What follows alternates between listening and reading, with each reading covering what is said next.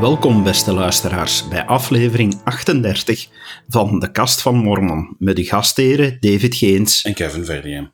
Dag Kevin. Hey David. We hebben een ongelooflijk lange aflevering voor de boeg staan, vrees ik. Ja, ik denk het ook. Uh, we hebben, er is dus heel veel gebeurd. Um, we hebben de algemene conferentie gehad. Um, Kort even daarover. Ja. Hoe vond je ze? Ik vond ze goed. Um, maar ja, je, je, hebt gelijk gekregen, hè? er is niks aangekondigd. Wow. Maar er zijn Ja, nieuwe nee. tempels, er zijn nieuwe tempels aangekondigd. En zo. Ja, en er is wel een belangrijke aankondiging geweest, maar voor de ja algemene voor, daar gaan we conferentie. het straks nog over hebben. Ja. Maar, maar inderdaad, voor de rest wel een heel opbouwende conferentie. absoluut, absoluut. Ik vond ze zalig. Ik Ja, vond ze dus- echt zalig. Echt aanrader voor iedereen om, Ja. eh, om er naar terug te grijpen wanneer de teksten beschikbaar zijn. Dus eh, fantastisch. Maar laat ons eh, naar ander nieuws dat we eigenlijk al eh, even hadden liggen van voor de algemene conferentie, maar dat we toen even opzij hadden geschoven om onze algemene conferentie voorspellingsaflevering te doen. Ik heb het dan over een wijziging die eh, zal gebeuren aan het seminarie. Nu, seminarie, Kevin, kan jij dat even duiden voor onze luisteraars die daar niet mee vertrouwd Ja. zijn? Ehm, de meeste mensen, denk ik, vanuit een misschien katholiek perspectief of, of andere christelijke godsdiensten, zullen het woord seminarie vaak associëren met ja, iets waar dat je naartoe gaat om priester te worden, bijvoorbeeld. Klopt Om- inderdaad. Dat is een klassieke betekenis Ja. daarvan. dat is bij ons niet zo. Bij ons heeft dat een andere betekenis. Ehm, wij hebben binnen de kerk hebben wij ook het CES. Dat staat kort voor het Engelse Church Education System. Ehm, daar hebben ze twee ehm, leeftijdsgroepen in die ehm, ja, getarget worden, is het verkeerde woord, maar dat die ze voor hebben. En dat is de jeugd van 14 tot 18 en dan jongvolwassenen van 18 tot 30. En daar hebben ze twee programma's voor. Voor de jongeren heet het seminarie, voor de ouderen heet het instituut. En wat is de bedoeling daarvan? De bedoeling is daarvan om ofwel thematisch in het instituut, vooral dan, ofwel per boek van schriftuur, eigenlijk een, een schooljaar lang daar een studie over te maken. En ik zeg bewust schooljaar, dat was het eigenlijk, want de nieuwe verandering heeft ook daar met dat ritme van een schooljaar te maken. Het is zo dat vanaf ehm, 2020 het zo zal zijn dat het seminarie en instituut, of toch nee, zeker het seminarie, zullen eh, beginnen op 1 januari met het kalenderjaar. En ze gaan het kom, kom dan en volg mij, het Come Follow Me, dat we in de zondagschool ook gebruiken, zal ook daar meegaan. Dus zij gaan daar nog iets meer in depth, hè, diep, met meer diepgang, gaan ze erover eh, bezig zijn. Ehm, nu, je kan je al inbeelden van ja, wat dan met september van 2019? Gaat er dan geen seminariejaar beginnen? Gaat het dan ja, drie, vier maanden plat liggen? Nee. Ehm, het jaar wordt daar eigenlijk in twee geknipt. Dus ze gaan eigenlijk een verkort seminariejaar hebben, voordat ze dan op 1 januari 2020 gaan inspringen om dan eh, het volgende boek van schriftuur, dat ook bij, met, in, de zondagsschool zal besproken worden, zal ook daar ehm, ja, met meer diepgang besproken worden. Ehm, seminarie, hoe vindt dat plaats? Normaal gezien heb je met uw ouders of met een leerkracht, afhankelijk van waar het eh, plaats kan vinden, eh, in een kerkgebouw. In Amerika gebeurt dat ook in scholen. In Utah bijvoorbeeld kan je 's ochtends naar school gaan, iets vroeger, en dan kan je daar seminarie volgen. Dan ga je eigenlijk schriftopdrachten die je de avond ervoor gelezen hebt, ga je dan daar samen gaan bespreken en daar een les over hebben. Ik vind het fantastisch. Ik heb het zelf eh, vier jaar gehad. Wacht. Vind, vind je dan seminarie fantastisch of vind je de verandering nu fantastisch? eh, seminarie. Ehm, de, de verandering aan zich vind ik ook fantastisch. Maar mijn opmerking ging nu wel specifiek over het seminarie aan zich. Ehm, het is vroeg opstaan. Daar was ik geen fan van. Absoluut niet. Mijn moeder moest regelmatig zeggen van Kevin, zijn er nog wel wakker? Dat ik zo... eh, Ik kende zo een tiener die zo om... Ik weet niet hoe vroeg uit zijn nest gehaald wordt. Maar ik heb er zoveel ehm uit geleerd. Mijn moeder was de leerkracht dan. Zij was vanuit het CES aangesteld als leerkracht. En die gaf dan aan mij en aan mijn zussen, gaf zij ochtendseminarie. Ehm, en dat was eigenlijk fantastisch om op zo'n intieme manier, dus in, in een intieme kring dan bedoel ik, om over de schriften te kunnen praten en, en er meer over te leren, meer over de historiek ook. Die bijvoorbeeld, ja, bij Leren Verbonden ga je ook kerkgeschiedenis voor een deel gaan zien en zo. Fantastisch. Maar nu even over die verandering zelf. Oké, men gaat nu het Kom dan Volg Mij programma volgen. Qua, qua boek van schriftuur. Ja. Voor zover dat ik afgeleid heb, gaan ze niet het, de leesopdracht van, van dan gewoon overdragen naar, maar gaat dat boek van schriftuur gevolgd worden in nauwer samenhang met. Ik denk dus niet dat het de bedoeling is dat het seminarie vervangen wordt door het Kom dan en Volg mij programma. Van de en, de, en denk je, maar ik had toch de indruk van de aankondigingen dat het ritme en hetgeen wat dan eh, in die week behandeld wordt in de zondagschool, toch ook topicgewijs eigenlijk hetzelfde is wat dat dan behandeld wordt in het seminarie. Ja, klopt wel. Maar ik kan me inbeelden dat het niet gewoon één op één hetzelfde gaat zijn. Want anders wat nut heeft het nog. Dat is waar ik mij een beetje vragen begin bij te stellen. Ik heb een beetje het gevoel dat men nu alles begint te focussen op kom dan en volg mij. En ja, ik krijg daar een beetje het gevoel van, van oh jongens, altijd maar hetzelfde over en over. Ja, wordt dat niet een beetje veel? Ik heb nu al soms het gevoel, als ik, als ik naar mezelf kijk, met mijn persoonlijke schriftstudie, met wat dat ik dan bezig ben in de week, plus dan wat we als gezin doen, wat zeker niet perfect verloopt. Uh, Er zijn zeker heel wat avonden dat, er, dat het gewoon niet lukt om dingen rond te krijgen, al was het maar omdat ik op de baan ben omwille van roepingen voor de kerk. Maar als je dan ook kijkt wat, je, wat daar dan doet en wat dat we dan in de zondagschool krijgen, nog eens hetzelfde is. Sorry, ik zit daar soms al mee van, ja, weer eens. En ja, voor jongeren denk ik dat die nog veel sneller dat gevoel zouden kunnen krijgen van, oh nee, niet dat, weer hetzelfde. In dat opzicht hoop ik dat het toch iets rijker aangekleed wordt. Dat mag ik zeker wel hopen, want anders zie ik hier toch wel een heel groot gevaar in van... Ja, zeker omdat ja, je hebt thematisch per week. Nu, dit jaar gaat het over het Nieuwe Testament. We zijn ondertussen april. Ik kan me goed, als ik het mij goed kan herinneren, dan was het wel de bedoeling op het Oude Testament na dat alles van dat boek gelezen was op dat jaar tijd. En dat alles kon besproken worden. Dat er dus geen hoofdstukken overgeslagen worden, of dat het niet zo puur thematisch is, dat het, um, ja, gewoon dit hoofdstuk van hier, dit hoofdstuk van daar, maar dat het echt, ja, anders aangepakt wordt. Ik vind het een beetje een wrang gevoel. Ja, en het is anderzijds ook goed dat er een kans wordt gegeven om heel diep in dingen in te gaan. Uh, want ik denk dat onze jongeren, als ze uit het seminarie uitkomen na al die jaren, zulke schriftuurkennis zullen hebben. Ja, dat, dat ze daar voor de rest van hun leven kunnen op terugvallen. Ja, zeker omdat dus er ook dat... als deel van het doel in zit om schriften te gaan memoriseren. Ja, dus... Oh ja, dan, uh, specifieke teksten dan bedoel ja, ik. Super. Ja, ik, het zal een uitdaging zijn voor diegenen die lesgeven. Het, uh, om, om het boeiend te houden, om andere inzichten te kunnen geven. Want als het wordt van, ja, je krijgt hetzelfde op je bord. Uh, het is even een, een, paar schriftteksten aanreiken in je, uh, in je gezin. Het is in de zondagschool ook die schriftteksten aanreiken. En we gaan die in seminarie ook wat, ja, iets dieper. We gaan ze iets hè, meer bespreken. Ja, men gaat toch echt verschillende invalshoeken moeten vinden om het boeiend te maken. Ook. Maar voorlopig hebben we nog geen, nog geen inzicht hoe dan ze het gaan inkleden. Behalve dan dat het ja, meer in lijn zal getrokken worden met kom dan en volg mij. Ja, inderdaad. Maar uh, ik, uh, ik ja, kijk er misschien een beetje te kritisch naar op dit moment, dat geef ik toe.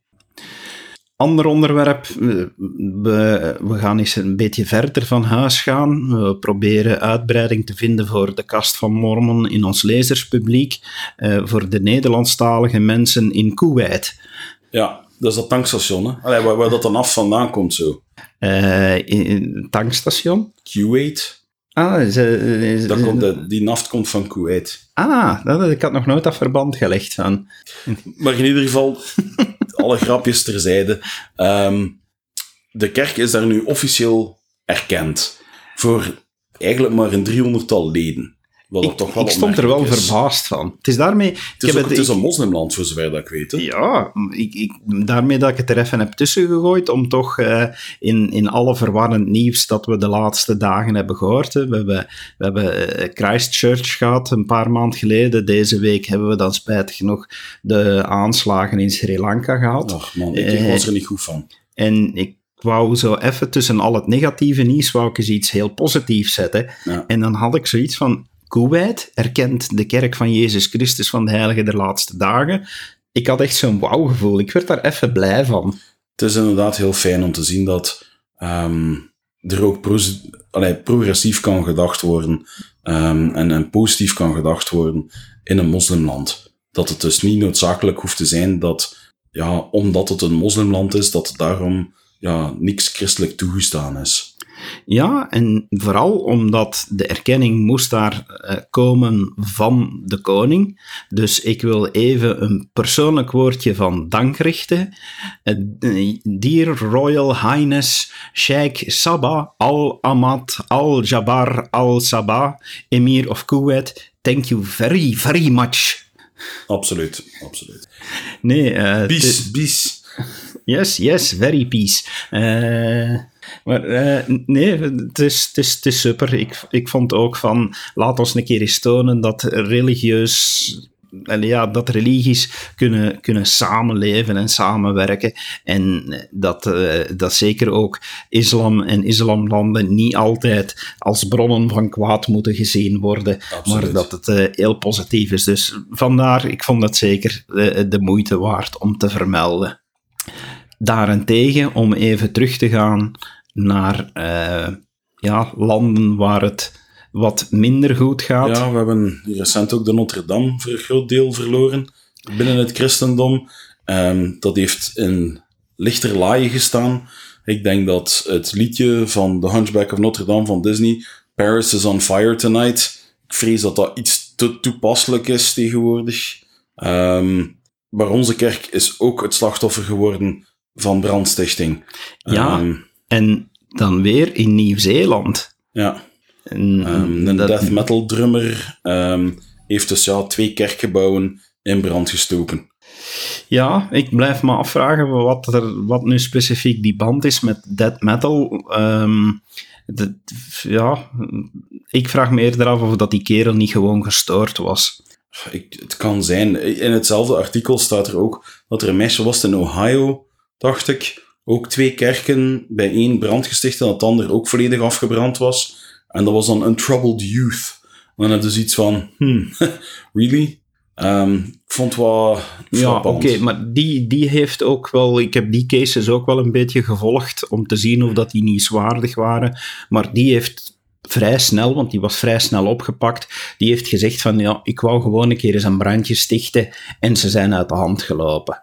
Ja, Eh, dat zat ook wel, wat is het, Satan Lives of zoiets, eh, op, op de deur geschilderd, of was het die een death metal kerel? Het zat Ja. er ergens in het artikel, ik, ik had echt iets van, kom aan jongens, is, is dat nu echt nodig om, ah, om zulke haatdragende daden te gaan doen? Ik bedoel, each to his own, hè? El, elk voor zich toch? Bedoel, Voilà, en dat is wat aan mij weer enorm opvalt, is hoe de relaties onderling tussen religies momenteel gespannen raken. Bedoel je dan vooral tussen islam en christendom, of bedoel je effectief tussen katholieken en protestanten, of... Zelfs niet tussen religie, tussen die religies onderling, maar dan veel vaker tussen religieus en niet-religieus. Ja, op die manier, ja. Ja, die, we merken dat alsmaar meer. Hè. De, de vrijheid van eh, religie wordt constant aangevallen. Nu zien we van die haatdaden. Het is overal iets, hè. Ja, en, en dat mensen daar, daar geen reden voor hebben. Dat, dat, je, dat je dan vraagt van, maar wat heb je nu tegen geloof van? Of waarom wil je zo hard strijden van? En, en dat men dan gewoon er geen antwoord tegen heeft. Dat men, dat men schrik heeft van gelovigen en van religie zonder aanwijzbare reden, zonder rationele verklaring. Ik kan me inbeelden dat je misschien ook persoonlijk geconfronteerd geweest met de gevolgen van extremistische gelovigen. Dan kan ik me inbeelden dat je zoiets hebt van all religion is bad? Alle, religie is slecht en we moeten dat uh, gaan bestrijden. Maar laat ons eerlijk zijn, ja, zeker heden ten dagen zijn er toch ook heel veel goede initiatieven die door kerken gedaan worden. En wordt er oneindig veel ja, goede daden en zo gedaan door kerken. Dat ik zoiets heb van, kom aan, is, is, moet, je dan, moet je ons nu echt zo gaan haten dat je ons echt moet gaan aanvallen? Kan bijna niet anders dan dat de tegenstander er voor een groot stuk tussen zit. Dat kan bijna niet anders. Ja, uh, en ik denk dat het, dat het nog veel erger gaat worden, dat het nog veel meer zal opgepookt worden. En, en ja, ik, ik weet het niet. Van, het, het, is daarmee dat dit mij zo opviel, omdat in dit artikel eh, staat van dat hij vrij snel gepakt is, dat hij vrij snel bekend heeft van ja, ik heb die twee kerken in brand gestoken, ja, ik heb die twee kerkgebouwen geviseerd, maar er is geen reden voor. Waarom? Van, van, en die journalist vindt het blijkbaar niet eens de moeite, maar vindt het dan wel, en ja, vermeldt er dan nog wel in van dat er nog voorbeelden zijn, want hij haalt nog een Scandinavisch voorbeeld aan van, van een death metal groep eh, die dat heel bewust eh, een aantal kerken is in brand gaan steken, omdat ze zeiden van ja, die kerken krijgen al genoeg belastingsgeld en daarmee wilden we er iets tegen doen. Ja jongens, waar zijn we mee bezig? Allee, kom aan. Van, of, zie ik dan nu gewoonweg weer te pessimistisch in? Ik vrees van niet. Ik vrees dat je daar niet te pessimistisch bent. Ik denk dat, ja, we leven in de laatste dagen, hè. Ja. Dus, dus... Ik denk dat het natuurlijk ook te maken heeft van, ja, een, een, een bruggetje naar, naar het volgende waar ik het wou over hebben. Dat het natuurlijk te maken heeft met het feit van, als je gelovig bent, ben je bijna per definitie op bepaalde punten conservatief. Ja. Ja, we hebben het daar al genoeg over gehad in onze, in onze podcast. Als we kijken naar het standpunt van, ja, wat hoort in een huwelijk? Ja, hoe kijken wij naar, naar seks tussen, uh, tussen twee partners? Op die standpunten gaat men zeggen van, ja, jullie gelovigen, en dan bedoel ik niet alleen onze kerk, maar algemeen, zijn niet meer van deze tijd. Ja. Zijn niet meer mee in wat de maatschappij als normaal beschouwd.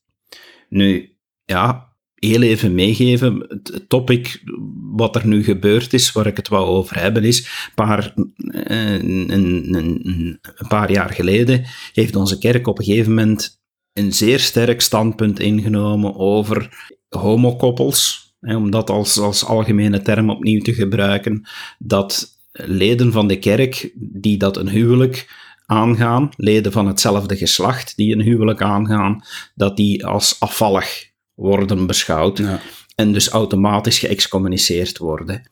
En dat hun kinderen ook niet meer zonder meer gedoopt konden worden voor hun 18 jaar. En die policy, die is nu... Dat laatste stuk bedoel je dan, hè? dat kinderen onder de 18 niet zomaar zonder meer mochten gedoopt worden? Nee, nee, nee, de, de beide dingen. Hè? Dus, dus ook het feit van dat ze als afvalligen werden beschouwd, ja, die policy die is nu terug ingetrokken. Okay. Zijnde in die zin van kinderen kunnen inderdaad terug gedoopt worden, uh, maar dan de ouders, hè, die dus in het geval zitten van uh, mensen van hetzelfde geslacht in een huwelijk, moeten dan wel aanvaarden dat een kind uh, onderwezen wordt dat dat eigenlijk niet hoort. En moeten dus ook aanvaarden dat tegen dat het kind ongeveer de leeftijd van acht jaar gaat bereiken, dat een lid van de kerk gaat langskomen met de vraag van, ja, mag uw kind gedoopt worden? Ja, uh, ja allee, al die dingen hè, zijn nu terug mogelijk.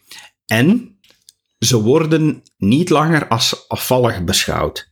De laatste verbaasde, ik dan heb ik het artikel niet goed gelezen. Wel, het, het, is inderdaad van, ik denk dat veel mensen zullen opkijken.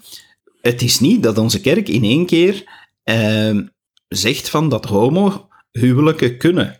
Want ik heb in sommige voornamelijke, voornamelijk dan media die schrijven voor ja, specifiek dat lezerspubliek, heb ik gelijkaardige berichten gelezen, zeer positief over onze kerk, maar soms gingen ze een beetje de mist in. Want wat er nu wordt gezegd is eigenlijk van, ja, oké, de doctrine is nog steeds dat seks alleen kan binnen een huwelijk, en een huwelijk kan alleen tussen man en vrouw. Ja.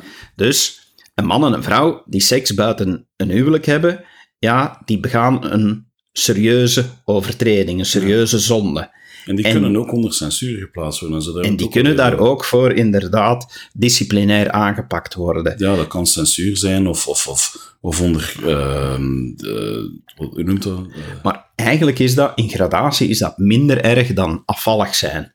ja, En wie dus nu, zal ik maar zeggen, betrapt wordt, twee mannelijke leden die betrapt worden op samenwonen en ja, dan dat men effectief ook weet van, ja, die delen het bed, die zullen op dezelfde manier beoordeeld worden als een man en een vrouw die niet getrouwd zijn en daarop betrapt Ja. worden. Dus, Dus men het maakt kan het nog altijd onderscheid zijn. Het kan nog altijd zijn dat ze, omwille daarvan, dat er een beslissing komt van, kijk, er volgt een excommunicatie, maar dan is de reden, omwille van die seksuele, ah of de, de overtreding op de wet van kuisheid, die voor iedereen geldt. En niet omdat ze afvallig zouden zijn. Ja, ja. Dus ze worden wel, in die zin, als je het puur intellectueel gaat bekijken, kan je wel al zeggen van, hé, dit is toch wel een belangrijke verandering. Eh, want, ja, ze worden niet meer verschillend behandeld. Ja, Maar er wordt nog, ja, we moeten we moeten wel blijven beseffen, de doctrine is niet veranderd. nee, inderdaad. Ja, dus, dus eh, en ik denk, ja, om dan terug te komen op ons vorig punt, dat dat hetgeen is waar dat we als kerk of als gelovigen in het algemeen nog altijd heel zwaar worden op aangepakt. De We, we maatschappij. worden als homohaters beschreven, hè? Ja, ja. En dat is spijtig, want ik vind nu, nu ook met, met zo snel hierop terug te komen, met eh, heel duidelijk te zeggen van eh, naar alle leden van de kerk toe, zegt, zegt de leiding van onze kerk van kijk, wij veranderen dit terug om heel duidelijk te maken dat wij echt van iedereen houden en dat het niet aan ons is, is om, om zomaar iemand te veroordelen. Maar ja, als afvallige dan. Ja. ja, er zijn wel bepaalde wetten van God die, die van kracht zijn. En die voor iedereen gelden. Ja, dus, eh, maar allee, ik, vond, ik vond het toch heel bijzonder. Voornamelijk dat, want er zijn heel veel, als, toen dit drie jaar geleden werd ingevoerd, zijn er heel veel mensen opgestapt. Zeker in, in de States, waar de helft van, ons, van onze leden en van onze kerk toch nog wonen, zijn er heel veel leden opgestapt.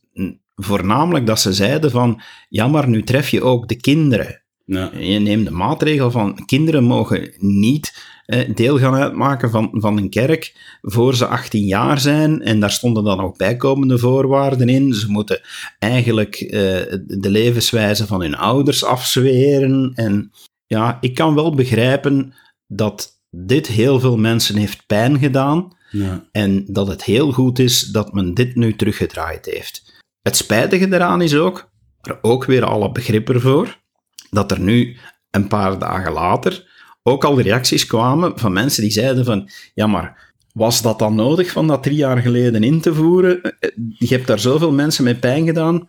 Hier hebben jongeren zelfmoord voor gepleegd. Dit had te vermijden geweest. Daar hebben een punt, of daar hebben zij een punt. Allee, ik kan mij goed inbeelden dat als je in die situatie zit, dat je zoiets hebt van, ja, dit had inderdaad kunnen vermeden worden. Nu, de doctrine is niet veranderd. Dit is een policy change. En ja, er, zijn precedenten geweest voor policy changes. Hè. Ehm, in de jaren 80 is het al eens gebeurd, bijvoorbeeld dat zendelingen in plaats van 24 maanden maar 18 maanden meer moesten dienen. Dat is... Maar policy changes gebeuren constant. Ja, ja, bedoel... Dat is, men men heeft nu zelfs beslist, omdat ze zo frequent gebeuren, dat het, eh, het handboek eh, dat, dat voor leiders beschikbaar is, dat het niet meer gedrukt gaat worden. Dat men het enkel digitaal ter beschikking gaat stellen. Zodanig dat men veel makkelijker policy changes kan doorvoeren. Want uiteindelijk, ik heb hier een heel goed artikel gevonden, die is op lijst van wat is de doctrine van onze kerk? Welke punten zitten in de doctrine vervat? mhm. En dat gaat over, ja, wie beschouwen wij als onze God? Ja, Of de definitie van God, hè, ja, de Vader, de Zoon en de Heilige als Geest. drie aparte entiteiten. Ja. Ten tweede, het heilsplan, waar we ook al in eerdere podcasts over gehad hebben. Ten derde, de verzoening van Christus. Ten vierde, ja, waarom dat wij onszelf nu eh, de laatste dispensatie beschouwen. Ja. Eh, Dat, dat het evangelie De hersteld is. bedeling van het, Ja, van het, van het evangelie. Dat, eh, waarom dat wij eh, ons als een herstelde kerk beschouwen en het evangelie als, als hersteld beschouwen. Het feit dat we geloven in een levende profeet en dat er openbaring is. En daar kom ik straks op terug. Doctrine bestaat er ook over het priesterschap, dat je de juiste autoriteit moet hebben en ja, de juiste sleutels moet hebben van het priesterschap. Die zijn dan nodig om verordeningen te kunnen afsluiten. Dan heb je nog de doctrine over het huwelijk en familie, Mhm. die eeuwig kan zijn. En je hebt de geboden, die voornamelijk samengevat zijn van wat dat je in de schriftuur vindt. En that's it. Al de rest zijn, zijn procedures, programma's, administratieve eh, regeltjes, en die kunnen wijzigen. Ja. Maar oké, zoiets als, als, ja, als openbaring, als je zegt, wij zijn een kerk die een levende profeet heeft en die kan openbaring aanvaarden, ja, dan zeg je in één keer van, ah ja, wij zijn klaar voor verandering. Ja. Want dat is zo grappig, vind ik, aan sommige leden in onze kerk, die dat dan op hun achterste poten staat als in één, als in één keer iets, wat dan misschien inderdaad 40, 50 jaar een bepaald gebruiken is, en dan verandert dat. Oeh, is het dan allemaal niet waar geweest? Ja, jongens, ja nee, is het dan allemaal niet waar dat we een levende profeet hebben die openbaring kan krijgen? Mensen maken heel moeilijk het onderscheid tussen wat doctrine en wat policy is. Dat is gewoon een feit. Mensen maken daar zeer weinig onderscheid in. We hebben het er eerder ook al over gehad, jij en ik. Dat ja, dingen die een gebruik ook zijn, soms ook als ehm, doctrine aanschouwd worden. Ja, Maar wat dat ik me wel gerealiseerd heb, is dat sommige mensen zouden beginnen te denken, ook op basis van wat dat wij al verteld hebben, van ah ja, doctrine staat heel vast en kan alleen maar gewijzigd worden door openbaring.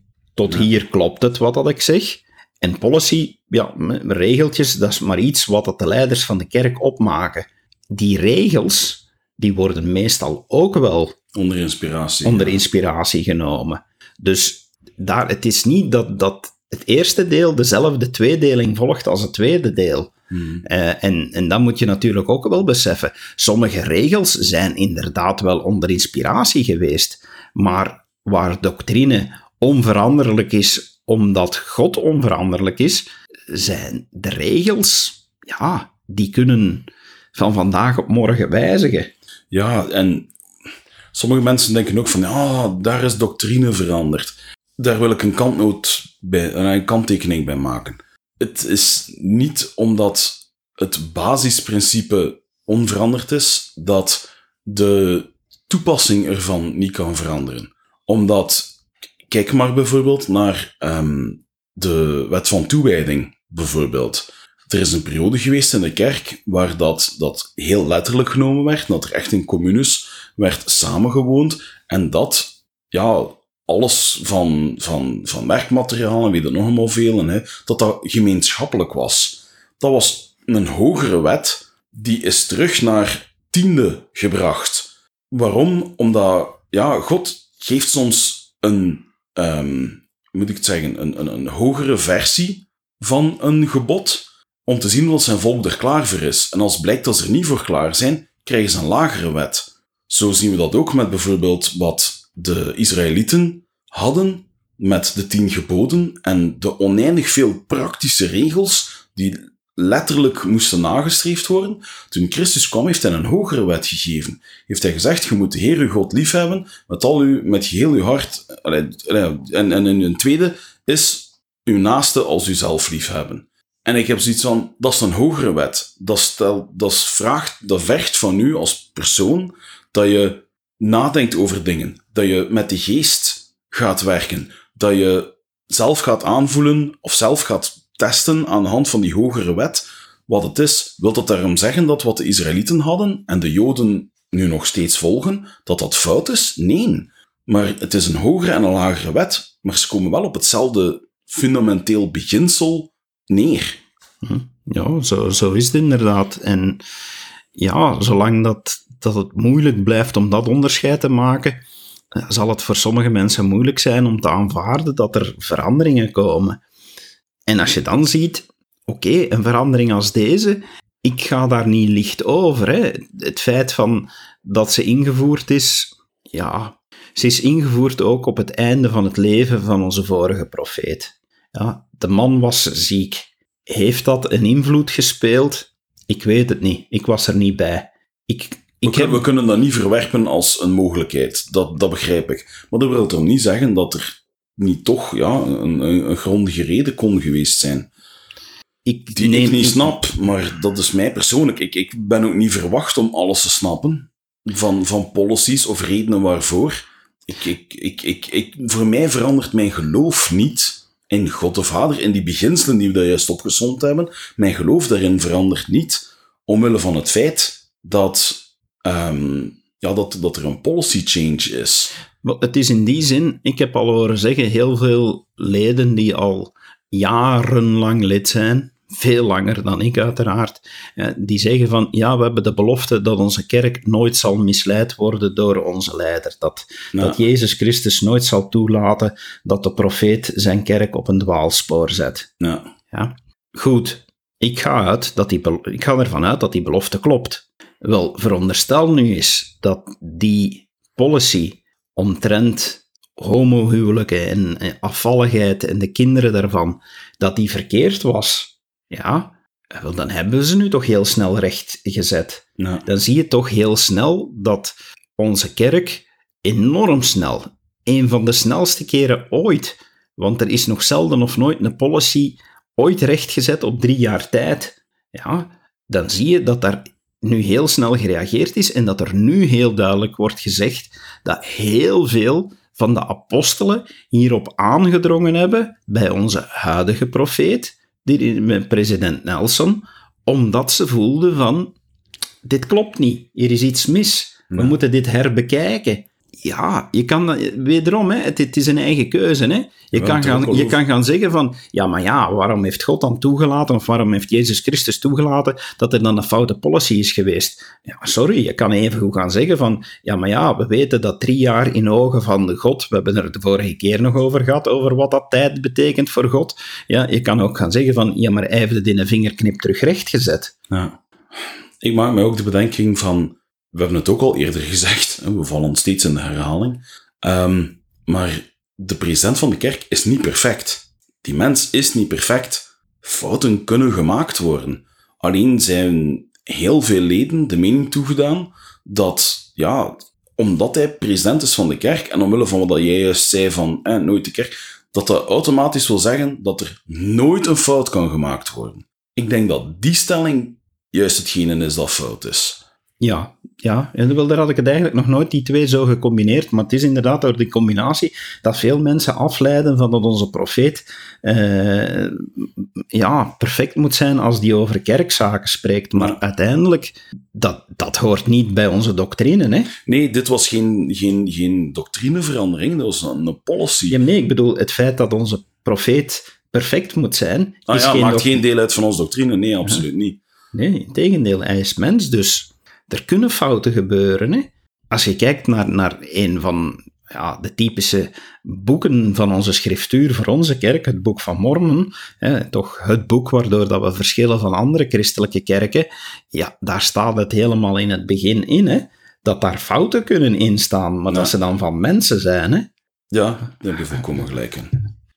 Goed, ik denk uh, dat, dat, dat dat eigenlijk, ja, je kan hier uren blijven over discussiëren, maar ik vind het een, een sterk punt om te besluiten dat onze kerk eh, één, niet perfect is, twee, dat onze leiders niet perfect zijn, maar drie, dat we er altijd wel goed uitkomen, omdat we net geleid worden door levende profeten en dat we op die manier gerust kunnen zijn. Amen.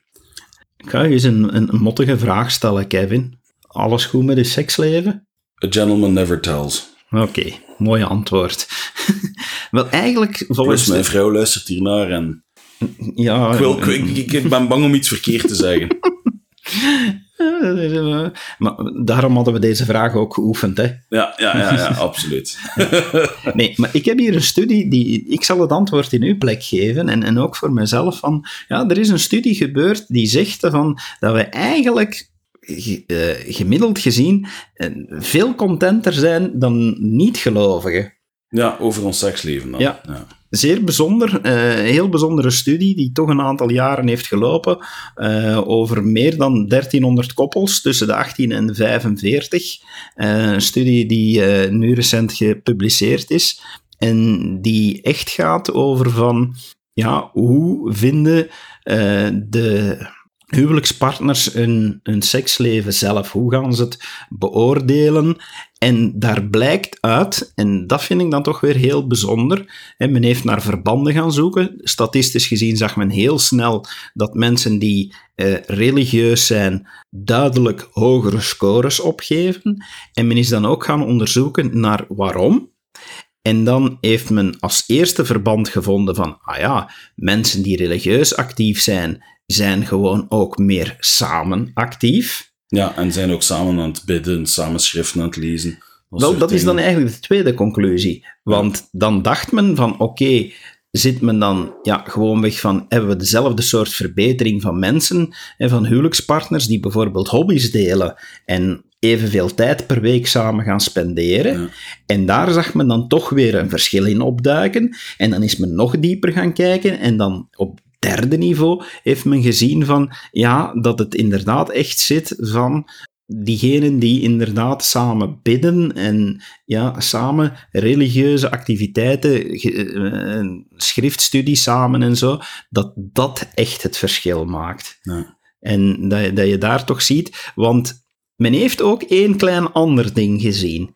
Diegenen, en men heeft dit gedaan over verschillende kerken heen, dus dat heeft nog niet zozeer te maken met onze kerk, eh, daar, dat wil ik helemaal niet beweren, maar men heeft wel ook gemerkt dat diegenen waar het religieuze leven zich beperkt tot eh, dat de vrouw en vrouwen, dat, is in andere studies al aangetoond, zijn over het algemeen meer religieus ingesteld dan mannen. Dus waar typische voorbeeld is van de vrouw sleurt de man mee naar de kerk en de man zijn religiositeit is beperkt tot van ik zit hier een uur per week in die kerk naast u en daarmee moet je content zijn. Daar gaat dus inderdaad de verbetering niet voor op. Ja.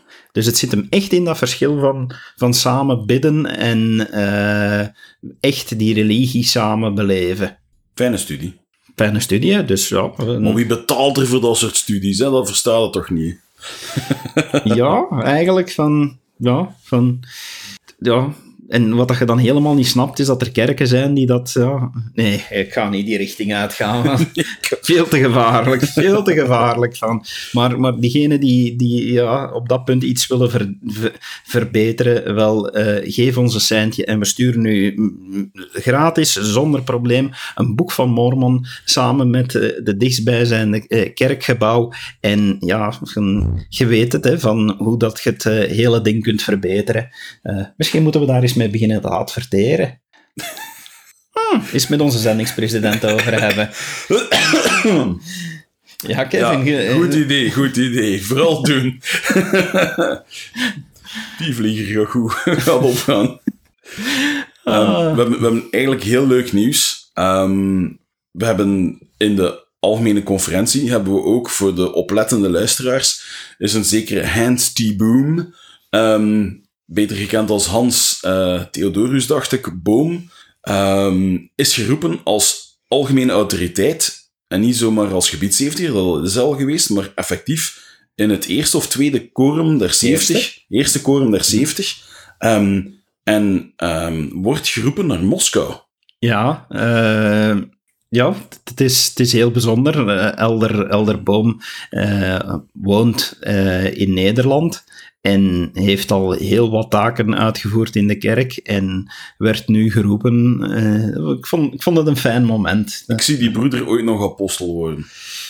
Ik vind het zo'n fijne broeder. Als je met hem over de geest praat, dan je, je voelt gewoon aan. Als je met hem praat over Christus, voel je de liefde die hij heeft voor zijn heiland. En de geest kan zo sterk zijn dat je tot tranen bewogen wordt.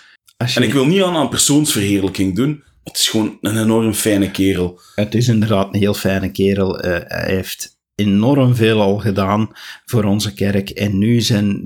Je moet je inbeelden, hè, die man is 55 nu. Die moet dus stoppen met zijn werk. Ja. Of is nu gestopt met zijn werk. Die moet nu verhuizen. Ja, die is nu al naar de States en binnen een paar maanden verhuist hij dan naar zijn volgende toewijzing. En ja, een paar jaar later kan dat weer een andere plek zijn, Onder ergens drie, onder drie jaar zeker dat dat kan veranderen. De meeste die ik nu zelfs weet, als ik kijk naar de gebiedspresidia hier in Europa, waarmee ik nou samenwerk, dan haalt er geen ene van de laatste drie waarmee ik heb samengewerkt zijn drie jaar. Maar ja. Dus ja, dat is om de twee jaar dat ik die zie naar de andere kant van de wereld vertrekken. En kijk, het wordt nu Moskou. Misschien wordt zo de oude relatie tussen de Nederlandse ehm, scheep, scheep, allee, scheepkoopvaardij, zeelui en, en zo de, de, de Russische tsaar en zo, wordt die band tussen Nederland en, en Moskou op die manier verstevigd. Ja, daar ga ik maar niet op reageren. Ah ja, Nee, dus jij, jij mocht lopen zeveren en ik mag dat niet. Of? Tuurlijk, maar ik heb er gewoon geen reactie op. Nee, maar ik wil maar zeggen van, ik heb ongelooflijke bewondering voor alle zeventigers en, en alle leiders van onze kerk, ja, die, eh, die zich fulltime inzetten. Sommige mensen doen daar moeilijk over dat die een onkostenvergoeding hebben, of noem het zelfs maar een loon. Ja, jongens, die mensen moeten ook leven, hè. die moeten ook eten kopen, hè, want die mogen geen andere job niet meer doen. Mag het even? Ja, het ding is, het is niet dat zij een loon ontvangen waar dan ze steenrijk van worden. Hè. Verre van, hè. Verre van, hè. Er wordt in een onderhoud voorzien, in de zin van, hier is een huis waar dat je kunt wonen, waarschijnlijk een dat ooit gekocht of gehuurd wordt door de kerk, en de nutsvoorzieningen worden, eh, worden betaald door de kerk, en dan heb je hier wat geld om eten mee te kopen en zo. En uw reisonkosten eh, worden, worden ook vergoed, want wij, de kerk, sturen u naar hier en sturen u naar Ginder. Maar daar blijft het ook bij, hè. Ja, het, het is, het is niet dat je daar rijk van wordt. Hè? Nee, eh, omgekeerd van, van de bedragen die ik al gehoord heb. Het is ook niet dat je met een habbekrats de wereld wordt ingestuurd, maar ja, goed, laat het zijn. Van, ik denk voor de meesten, als je ziet van diegenen die, die tot op dat niveau opklimmen en de Opklimmen is een verkeerd woord. Ja, opklimmen is inderdaad een verkeerd woord, want dat is zelfs in alle bescheidenheid. Maar dat zijn toch mensen die ook in de wereld hun strepen hebben verdiend. Want je moet toch wel capaciteiten hebben om leiding te kunnen geven in, in onze kerk, die, die wereldwijd nu al meer dan 16 miljoen leden telt. Ja, dat zijn meestal mensen die al leidinggevende figuren waren in hun vakgebied. Ik denk dat de meesten op het moment dat ze geroepen worden, want dan sta je toch al wat verder in je carrière, want je moet toch al wat levenswijsheid hebben. Als je nu kijkt naar Elderboom, die is nu 55, ja, die, die was sales manager. Ja, ik denk dat dit de kans groter is dat hij er financieel op achteruit gaat. Het zou wel eens goed kunnen. Dus ja, wow, hè, voor al die mensen die dit doen. Van, ja, eh, alleen maar bewondering voor, hè, want dit ben je ook voor de rest van, ja, nu niet zozeer tot de rest van je leven, tot je 70 niet, tenzij dat je apostel wordt. Apostel is tot het einde van je leven. Ja. 70er, dan word je ergens op rond je 70ste. word je eh, emeritus. Ja, word je emeritus en ga je op pensioen tussen aanhalingstekens. Ja, maar dan kan je nog uitgezonden worden, hè. Ja. Dus, eh, maar eh, alleszins Elderboom, dikke proficiat. Eh, eh, eh, heel veel liefde voor jou. En we denken dat je, nee, we weten heel zeker dat jij dat fantastisch gaat doen. Met, met heel ons hart zijn we bij, bij jou en bij je lieve vrouw. En deze podcast gaat altijd voor je supporteren. Absoluut. En ik kijk nu al uit als hem van zijn leven, ehm, ooit bedoel ik daarmee, ehm, gevraagd zou worden om een toespraak te geven aan de algemene conferentie. Want daar worden de 70ers ook wel eens voor gevraagd, natuurlijk. Ja, ja, ja. Ik hoop dat we dat op voorhand weten. Als ik dat ooit op voorhand weet, dan ga ik naar, naar, naar Salt Lake City met een spandoek. Is van de hup, Hans, hup. Ja. In, in het oranje zo, een oranje spandoek. Ja, met een oranje sjaal en... eh, Kom, voordat ik helemaal een lachkramp schiet. ah, goed. Zendelingen. Ja.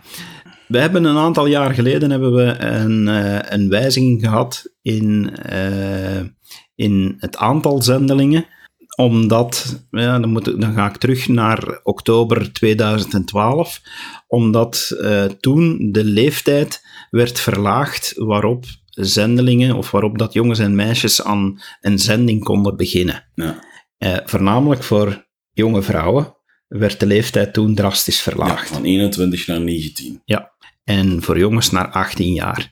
Of en, voorwaarde dan ze middelbare school afgemaakt hebben. Hè? Ja. Wat dat ja. in realiteit in onze contrain bijvoorbeeld betekent dat die meestal al 18 en een half zijn gemiddeld voordat ze op zending kunnen gaan. Mm -hmm, klopt. Nu, dat heeft een geweldig effect gehad op de aantallen, want op heel korte tijd uh, op het moment van die aankondiging uh, waren er gemiddeld 58.000 fulltime zendelingen. En een jaar later waren er 89.000. Ja, wat, ik kan me niet inbeelden wat voor een nachtmerrie, tussen aanhalingstekens, dat moet geweest zijn voor de mensen die aan reisplanning doen en weet het nog maar veel. Die mensen moeten volgens mij overuren gedraaid hebben om dat allemaal georganiseerd te krijgen. Want het is super dat die jongens en meisjes zich aanbieden om op zending te gaan, maar terzelfde tijd, ja, er moet, er moet plaats genoeg zijn in verschillende uh, NTC's, in verschillende uh, missionary training centers. Die moeten allemaal van locatie naar locatie gaan. Die aanvragen moeten allemaal verwerkt raken. Die zendingspresidenten moeten plotseling allemaal voor meer zendelingen zorgen. Er moeten nieuwe appartementen bijgezocht worden. Er moeten daar contracten voor afgesloten worden. Er moeten daar ah ja, die moeten bemeubeld worden als die nog niet bemeubeld zijn. Hoe, hoe dieper dat je erop ingaat, hoe, hoe, hoe in, meer insane dat dat moet geweest zijn qua operatie, om dat allemaal gebolwerk te krijgen. Chapeau Ja. voor de mensen die daar die overuren toen ze ongetwijfeld zullen gedraaid hebben om dat allemaal rond te krijgen. Ja, klopt volledig. En denk ook dat men heel goed wel wist van dat er op dat moment een piek ging komen. Want ja, als je de leeftijd verlaagt, dan krijg je natuurlijk in één keer heel wat mensen die dat in de hele range zitten, die hun aanvraag doen. Maar ja, dan weet je ook van, oké, één keer dat die allemaal geweest zijn, heb je alleen de instroom van nieuwe aan die nieuwe leeftijd. En je kan je dan wel gaan inbeelden dat door die aanpassing de instroom groter zal zijn dan voorheen, maar je krijgt terug een drop. Dus we weten van 58.000 naar 89.000, maar dat zou terugzakken. We hebben dan ook, als we verder in de cijfers kijken, dan in een 2016-rapport, dan zag je een afvlakking naar ongeveer 70.000. Ja. Dus dat hè, toch nog altijd een heel stuk boven die 58.000, maar minder dan die 89.000. En ik denk wel dat je kan zeggen dat dat te verwachten was. Ja, absoluut. Dit is puur... Ja, dit is, gewoon statistiek. Allee, er is daar een moment gekomen dat het opgeschoven is, waardoor dat je een tijdelijke ja, vermeerdering had. Maar een keer dat die allemaal naar huis gingen, die jongens, ja, blijft je wel... De, de, de instroom blijft dan min of meer hetzelfde. Die kan ook dalen of stijgen, maar dat is redelijk normaal. Dat is pure wiskunde. Inderdaad. Maar wat dat dan wel opvallend is, is als we verder gaan kijken vanaf 2016, je zou dan zeggen van oké, we gaan op 70.000 blijven. En dan zie je toch ze naar beneden gaan met dan een eh, rapport die zegt dat op het einde van 2018 het aantal eh, voltijdszendelingen teruggevallen was tot 65.317. Ongeveer 7.000 meer dan, In 2012. dan in Wat toch wel 2012. wijst op een groei in de kerk. En jongeren die toch ook nog steeds kiezen om op zending te gaan. Ja, klopt. Maar wat dat je ondertussen ook merkt, dat is, hè, want je hebt enerzijds eh, heb je die voltijdszendelingen die twee jaar of anderhalf jaar voor eh, de meisjes eh, op zending gaan om andere mensen te overtuigen om lid te worden van onze kerk, laat ik het maar zo zeggen. Liever niet. Nee? Nee. Ehm, ik heb een collega gehad op zending, wier insteek het was van ik ga zoveel mogelijk mensen dopen. En die gebruikte daar technieken, zal ik het maar noemen, voor, die ik niet stroken vond met de Heilige Geest. Mijn doelstelling was om mensen dichter bij Christus te brengen, te getuigen van Christus, te onderwijzen over Christus en mensen de keuze te geven om wel overwogen met de geest de beslissing te maken om lid te worden van de kerk of niet. Dat is helemaal anders qua insteek dan te gaan zeggen van ons doel is om mensen te gaan dopen. Ja, daar heb je eigenlijk Want, want als, je, volkomen het- als, gelijk je, in. als je het op de verkeerde manier aanpakt, dan doe je meer schade dan goed. Ja, volkomen gelijk in. I stand corrected.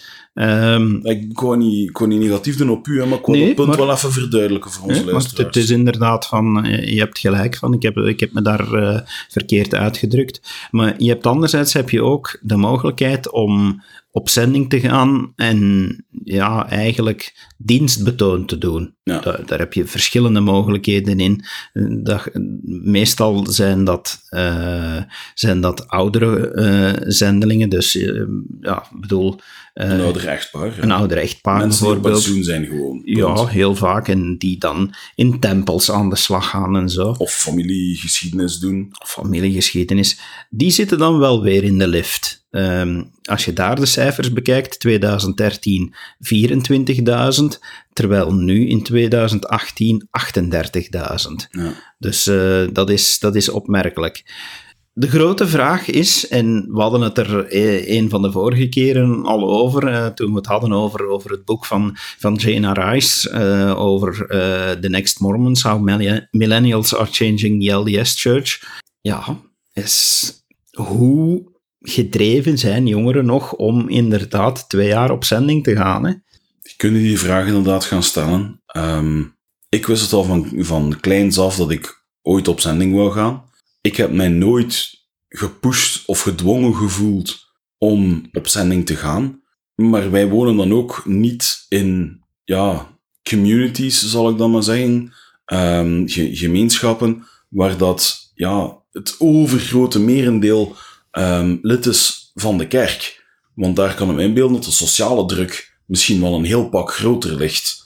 Ehm, daar tegenover staat wel van ja, ik, wil erom niet zeggen dat, dat de jongeren niet toch bewust de keuze maken om op zending te gaan.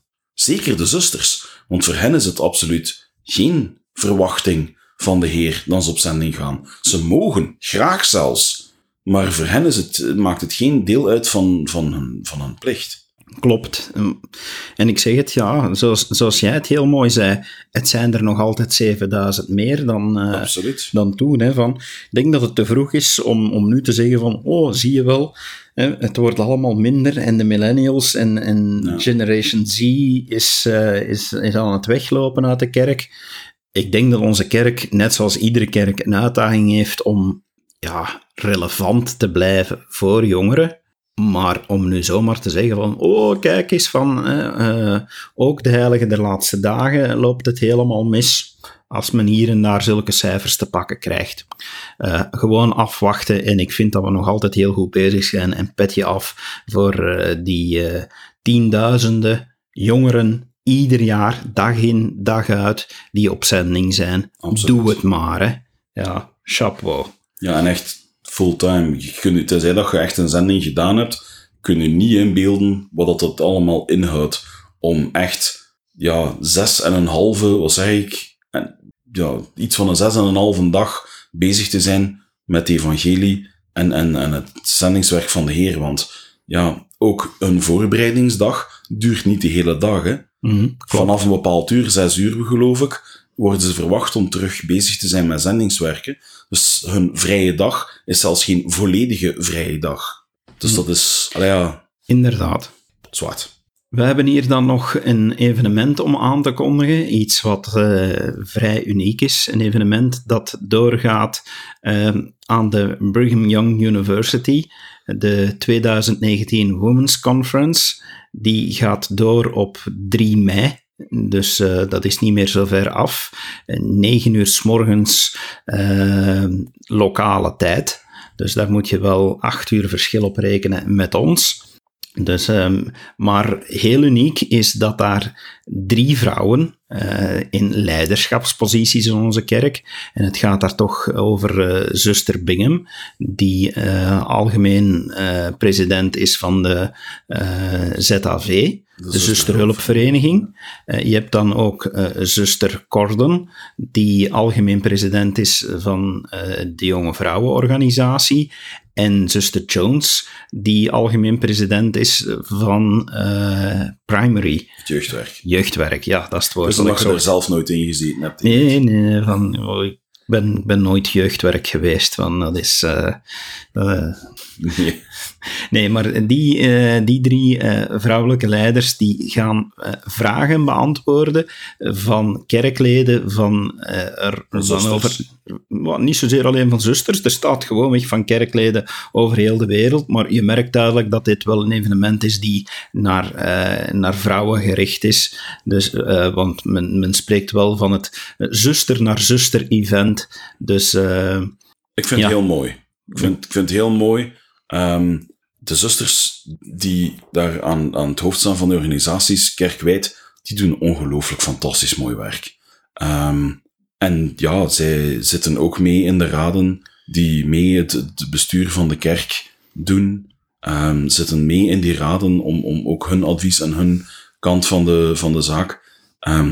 Ik heb in twee of drie algemene conferenties geleden werd er nog aangehaald van kijk, hè, Um, we waren de hele tijd aan het debatteren onder ons broeders, totdat we zeiden van ja, zullen we nu eens de zuster aan het woord laten, uh, want we hebben haar nog niet gehoord. En dat die zuster dan afkwam en dat iedereen de geest voelde en zeiden van, daar waren we eigenlijk al de hele tijd naar op zoek.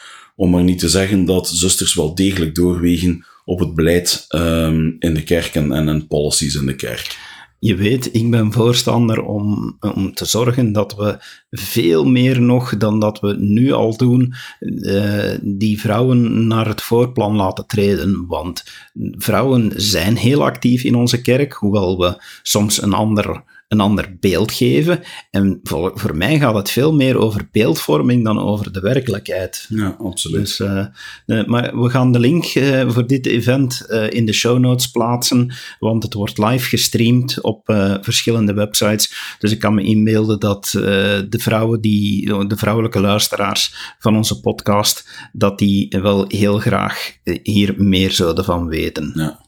En dan eindigen we eigenlijk met quasi historisch nieuws vind ik dan toch, in de zin dat de Salt Lake Temple, die er ondertussen toch al heel lang staat, dat die grondig gaat gerenoveerd worden.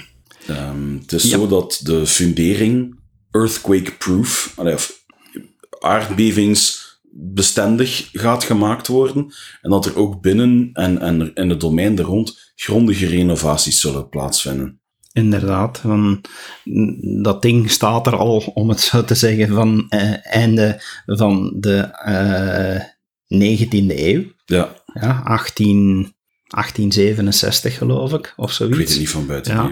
Hij was de eerste tempel waar men aan begonnen is toen, uh, toen de pioneers in, in ja, in Utah aankwamen. Befaamde maar, This is the place. Ja, maar hij was maar de vierde die klaar was. Omdat hij zo groot is, hebben ze er, hebben ze er heel lang aan gewerkt. Hij heeft al een paar keer renovatie gehad.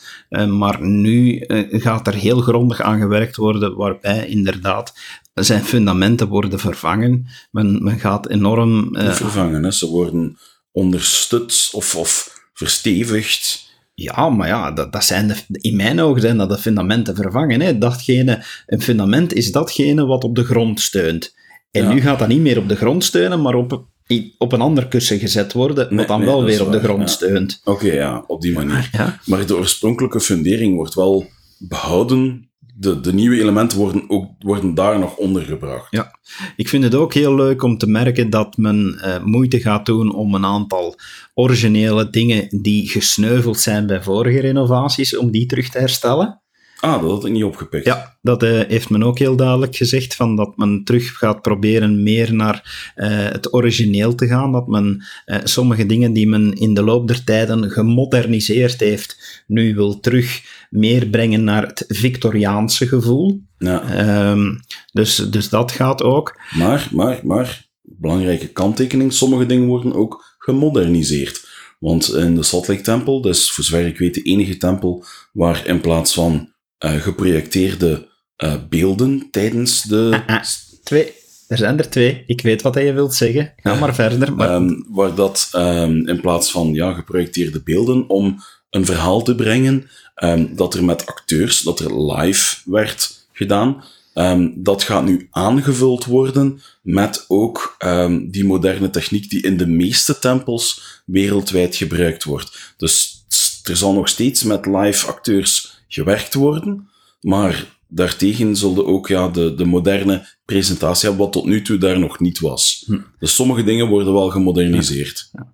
Nee, de Mentai Temple is ook nog altijd, ah, uh, dacht ik, uh, dat het... Maar er zijn er twee, waar dat het nog met live enactment kan, kan de sessie volgen. Grappige anekdote erover. De raadgever in het zendingspresidium in de Preston MTC, waar ik naartoe ging, die was een van die acteurs geweest voordat hij uh, daar in het uh, presidium terechtgekomen was.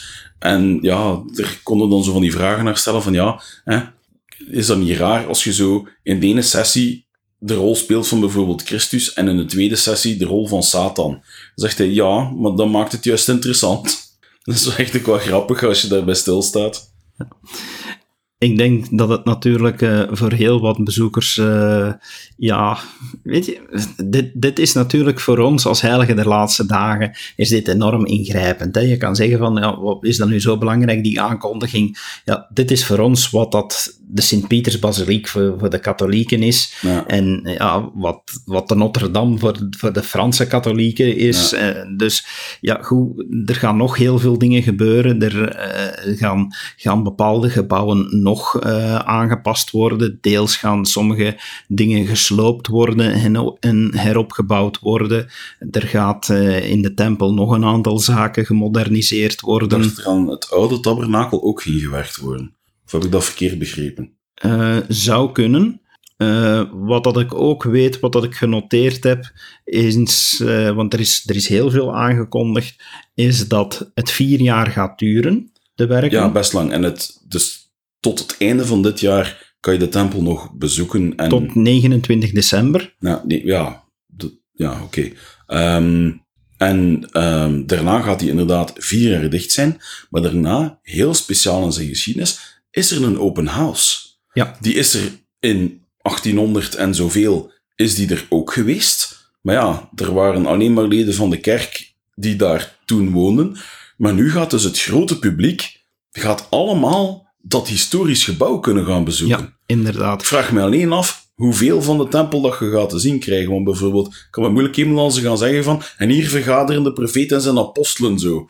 Allee ja, ik kan me moeilijk inbeelden dat echt alle ruimtes, want het is, het is anders dan andere tempels, in die zin dat het ja, ook de hoofdtempel voor onze kerk is. En dat daar ook ja, de, de profeten en de, de apostelen daar ook um, soms, soms ja, raad gaan vragen aan de Heer en, en, en, en samen uh, gaan bidden en zo. Um, wel, in, in de uh, informatie die verspreid werd, werd alleszins meegegeven dat men verwacht ja, dat, uh, dat dit een nieuw record gaat zetten. Maar nog niet. Ik hoop alleen maar dat ze genoeg parking gaan hebben. ja, uh, men, men, men, heeft nu nog geen idee van hoeveel dagen men gaat voorzien voor open house uh, en uh, vanaf wanneer dat het gaat aangekondigd worden. Maar ja, ze verwachten dat het, dat het ja, alle records gaat verbreken. Ik kan me zo inbeelden dat tegen dat al die mensen erdoor geweest zijn, een tapijt weer mogen gaan vervangen. ja. Het zal misschien al afgesleten zijn tegen dat iedereen er door geweest is. Ja, maar ja, tijdens de open houses, die, uh, waar ik al weet van heb, moet je van die overtrek... Uh, ja. Zo'n overtrek over je schoen. Zo. Ja, ja, ja, dat weet ik. Maar dan nog, ja, dat wordt platgetrapt, hè. Dan nog, tapijt. Ja, maar gewoonlijk is er inderdaad nog tussen de laatste open house dag en de inwijding zitten gewoon nog een paar dagen om nog de hand te leggen aan. Dus wie weet wordt dat voorzien. Uh, ik weet het niet. Zou, ja. zou heel goed kunnen. Uh, eigenlijk feitelijk, hè. Ik zou die heel graag gaan bezien. Ik zou zo graag die een open house gaan bezien. Dat ja, lijkt mij zalig. Wie niet? Als je lid bent van onze oh. kerk, dan, dan ben je daar sowieso in geïnteresseerd van. Um, het is zo'n historisch gebouw ook. Allee, ja, de, zelfs op Amerikaans vlak. Hè. Er zijn weinig gebouwen in Amerika die zo oud zijn en die er nog altijd staan. Hè? Klopt. Ah ja, Ja. dat is... eh, Hebben ze trouwens gezegd waar ze nu gaan vergaderen in de vier jaar met de... nee, dat heb, ik, dat heb ik niet opgepikt. Nee, ik, niet eh, opgepikt. ik dacht ergens opgepikt te hebben van dat men, dat men, dat men het beantwoord had in de, in, in de conferentie, maar ik vind het hier niet direct terug in mijn notities ehm, waar, dat het, waar dat het juist... Ah nee, wacht. eh, wacht, en nu moet ik even in mijn geheugen graven. Eh, in, in de Joseph Smith Building, dat er vlak naast staat. Daar gaat men gaan De vergaderen. gekraken waren David zijn hersenen trouwens, best luisteraars. Mm, ja, dat heeft al genoeg gekraakt de laatste tijd. Zoals ik al wel verteld heb. Ehm, dus ja, toch wel vrij belangrijk nieuws voor ons.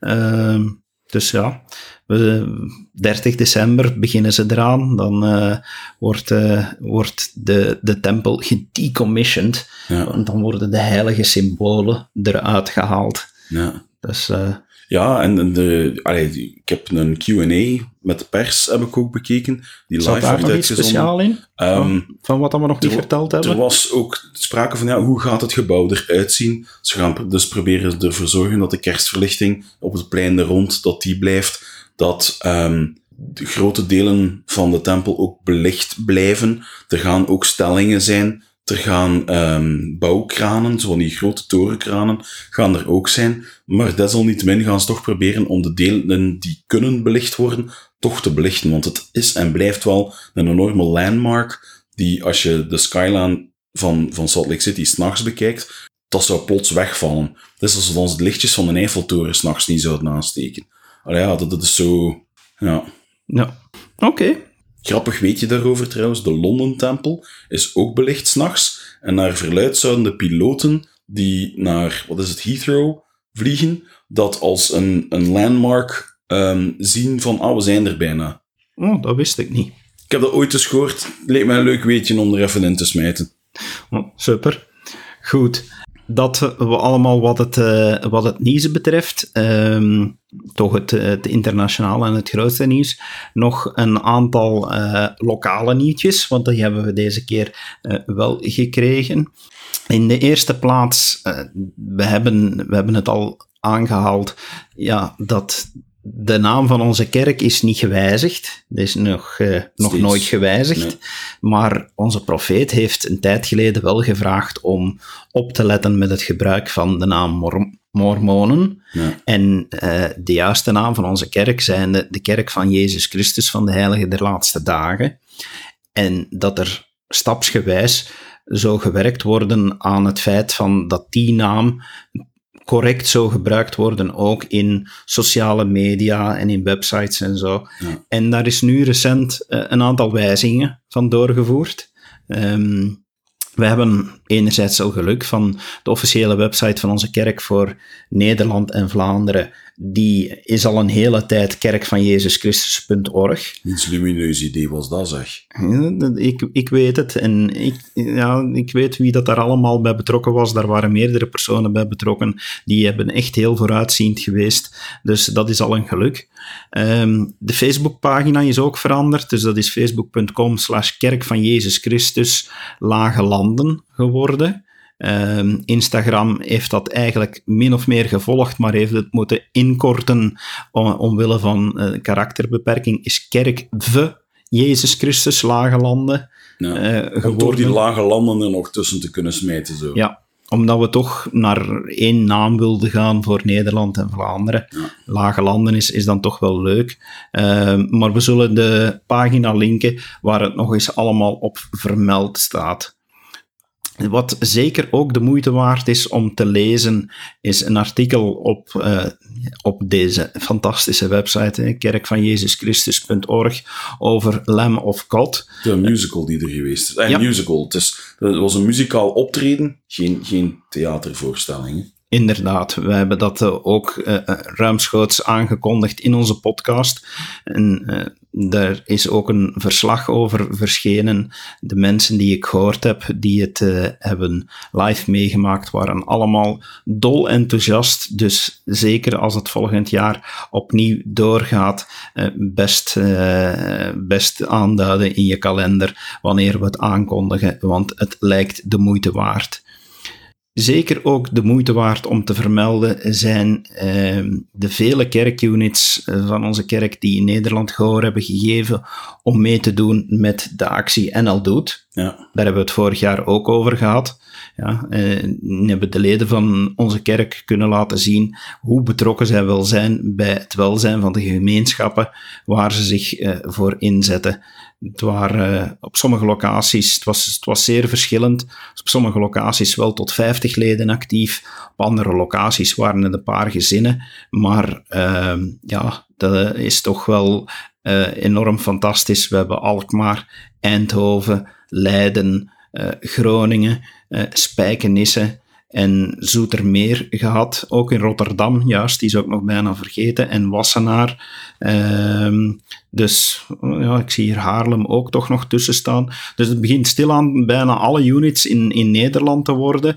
Uh, wie weet uh, zou dat volgend jaar wel lukken, dat uh, iedere unit in Nederland actief ik, wordt. Ik scrollen, David. Het moet me even van het hart. Je hebt Almere niet vermeld. Ik heb daar toen ik 16 jaar was een mini-zending gedaan voor een maand. Het ligt mij nauw aan het hart. De wijk Almere, zij hebben ook meegedaan. Ik wou, ik wou nu net nog zeggen van, en ik heb er één of twee niet vernoemd, dus u hebt nog een reden om ja, naar die Ah. pagina te gaan en te lezen wat al die units Oh. gedaan hebben. Ja, ik heb er nog eentje dus niet genoemd, dus nog altijd de moeite waard om zeker naar die pagina te gaan en te zien wat onze broeders en zusters daar eh, gedaan hebben. Ehm, Super, Dat is super eigenlijk- initiatief in ieder geval. hoe zeg je? Zeg, super initiatief in ieder geval. Ja, het zou fantastisch zijn moesten we zoiets in Vlaanderen ook hebben, maar ja, dat is ook iets waar de overheid mee aan werkt. Ehm, maar het zou fantastisch zijn moesten we Ik hier... denk dat er meer eenheid in de gemeenschap zou kunnen komen tussen verschillende bevolkingsgroepen, verschillende religies. Moest er op zo'n manier samen kunnen gewerkt worden aan goede doelen.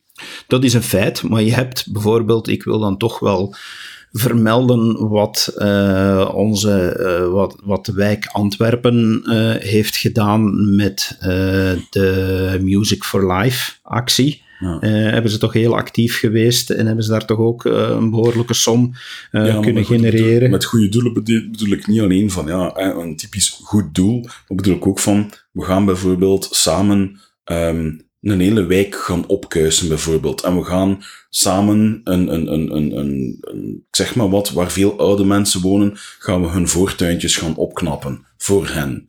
Omdat ze dan misschien zelf niet meer kunnen. Dat soort goede doelen bedoelde ik dan. Dat zou inderdaad fantastisch zijn. En ik hoop dat heel veel van de, onze leiders in de lokale units zich daarmee bezighouden. Ehm ja, als je dat doet, laat het ons weten. Van, dan kunnen we erover praten in onze podcast. Absoluut. Verdere aankondigingen eh, zijn er niet binnengekomen. Dus eh, ja, komen we op onze vaste rubriek waarmee we afsluiten, Kevin. Het zonlicht in je hart. Ah, dat was voor mij absoluut ehm, de zondagschoolles in, ehm, bij ons in, de- wijk, ehm, waar ik mijn getuigenis heb kunnen delen over het zoenoffer van Christus. Hè, met Pasen dat er was. Wanneer ik het heb over, over het zoenoffer van Christus, spreek ik daar meestal met redelijk wat vuur over, omdat het me echt nauw aan het hart ligt. En ik heb echt een getuigenis dat Jezus Christus leeft, dat hij voor ons is gestorven, dat hij voor ons echt dat zoenoffer heeft gedaan, dat ons in staat stelt om uiteindelijk te kunnen terugkeren bij onze hemelse Vader. En hij is zo nauw, hij ligt mij zo nauw aan het hart. En het was zo fijn om, terwijl ik daarvan getuigde, de Heilige Geest zal altijd getuigen van waarheid die gedeeld wordt, ehm, was het zo fijn om zo overvloedig die geest te voelen en ook die liefde terug voelen komen van onze hemelse Vader op het moment dat ik daar eh, over aan het getuigen was. Mooi, mooi, mooi, mooi. Is, eh, ik, word er, stil van. Ja, ja ehm, nu verbleek zo een beetje wat dat ik wou vertellen, want het was, het was zo eentje die, die, die, die voor een stukje egoïstisch was, eh, of is, omdat het heel heel erg op mezelf gericht is deze keer. Ehm, omdat het mij blij maakte dat iemand mij erop wees van... Het was een situatie waar ik, waar ik kritisch was voor iemand. Er was, uh, was, een, was iets verschenen online en ik was er heel kritisch over. En iemand wees mij erop van... En die zei van, ja, maar jij durft ook heel kritisch zijn. Ik zeg, ja, dat is waar, dat, moet ik, kan ik niet ontkennen. Van, zelfs in deze podcast durf ik duidelijk laten merken. Maar hij zei, er is een groot verschil tussen, uh, tussen uh, die persoon en hoe dat jij ermee omgaat. En die zei mij van, hij zegt van, die andere persoon, die, die ik ook ken, zij dus de persoon die mij zo blij maakte, van, hij zegt hij van, die is nogal... Uh, ja, erop gericht om, om zijn visie te geven en, en kritiek te geven. En hij zegt, jij daarentegen, jij zegt hoe dat je denkt dat het kan verbeteren, met de bedoeling van anderen meer te helpen. Maar jij hebt een zachtheid in je hart ontwikkeld de afgelopen jaren, waardoor dat je een nederigheid hebt gekregen om te aanvaarden als de leiders in onze kerk zeggen, dankjewel David voor je mening, maar we gaan het toch zo doen, om dan te zeggen van, oké, dan doen we het zo. Nou. En ik vond dat zo fijn dat iemand er mij op wees van hoe ik in die jaren veranderd ben door, door lid te worden van, van onze kerk. En dat gaf me dan nog meer moed om, om dat in de toekomst te doen. Van. Dus dat was echt zo voor mij een, een echt leuk moment om, om zo te zeggen van, ah ja, van, dat, is, dat is toch wel fijn dat mensen dat opmerken, van, dat ik dat met goede bedoelingen doe en dat ik dan toch ja, blijkbaar uh, want ik zeg het altijd van, oh, ik mankeer nederigheid, maar dat er dan eens iemand tegen mij zegt van, ja, maar ja, je hebt eigenlijk wel een vorm van nederigheid ontwikkeld om te aanvaarden dat leiders dan zeggen van, nee, we gaan het toch anders doen. En dat, dat was mooi. voor mij heel leuk. Dankjewel, David. Goed. We zitten op het einde van aflevering 38. We gaan goed vooruit. Uh, we gaan hier afronden. Kevin, met wat kunnen onze luisteraars ons nog altijd een plezier doen? Ach, absoluut met reviews. Op iTunes bijvoorbeeld. Um, een sterretje in Overcast op de, ja, de afleveringen die je beluistert.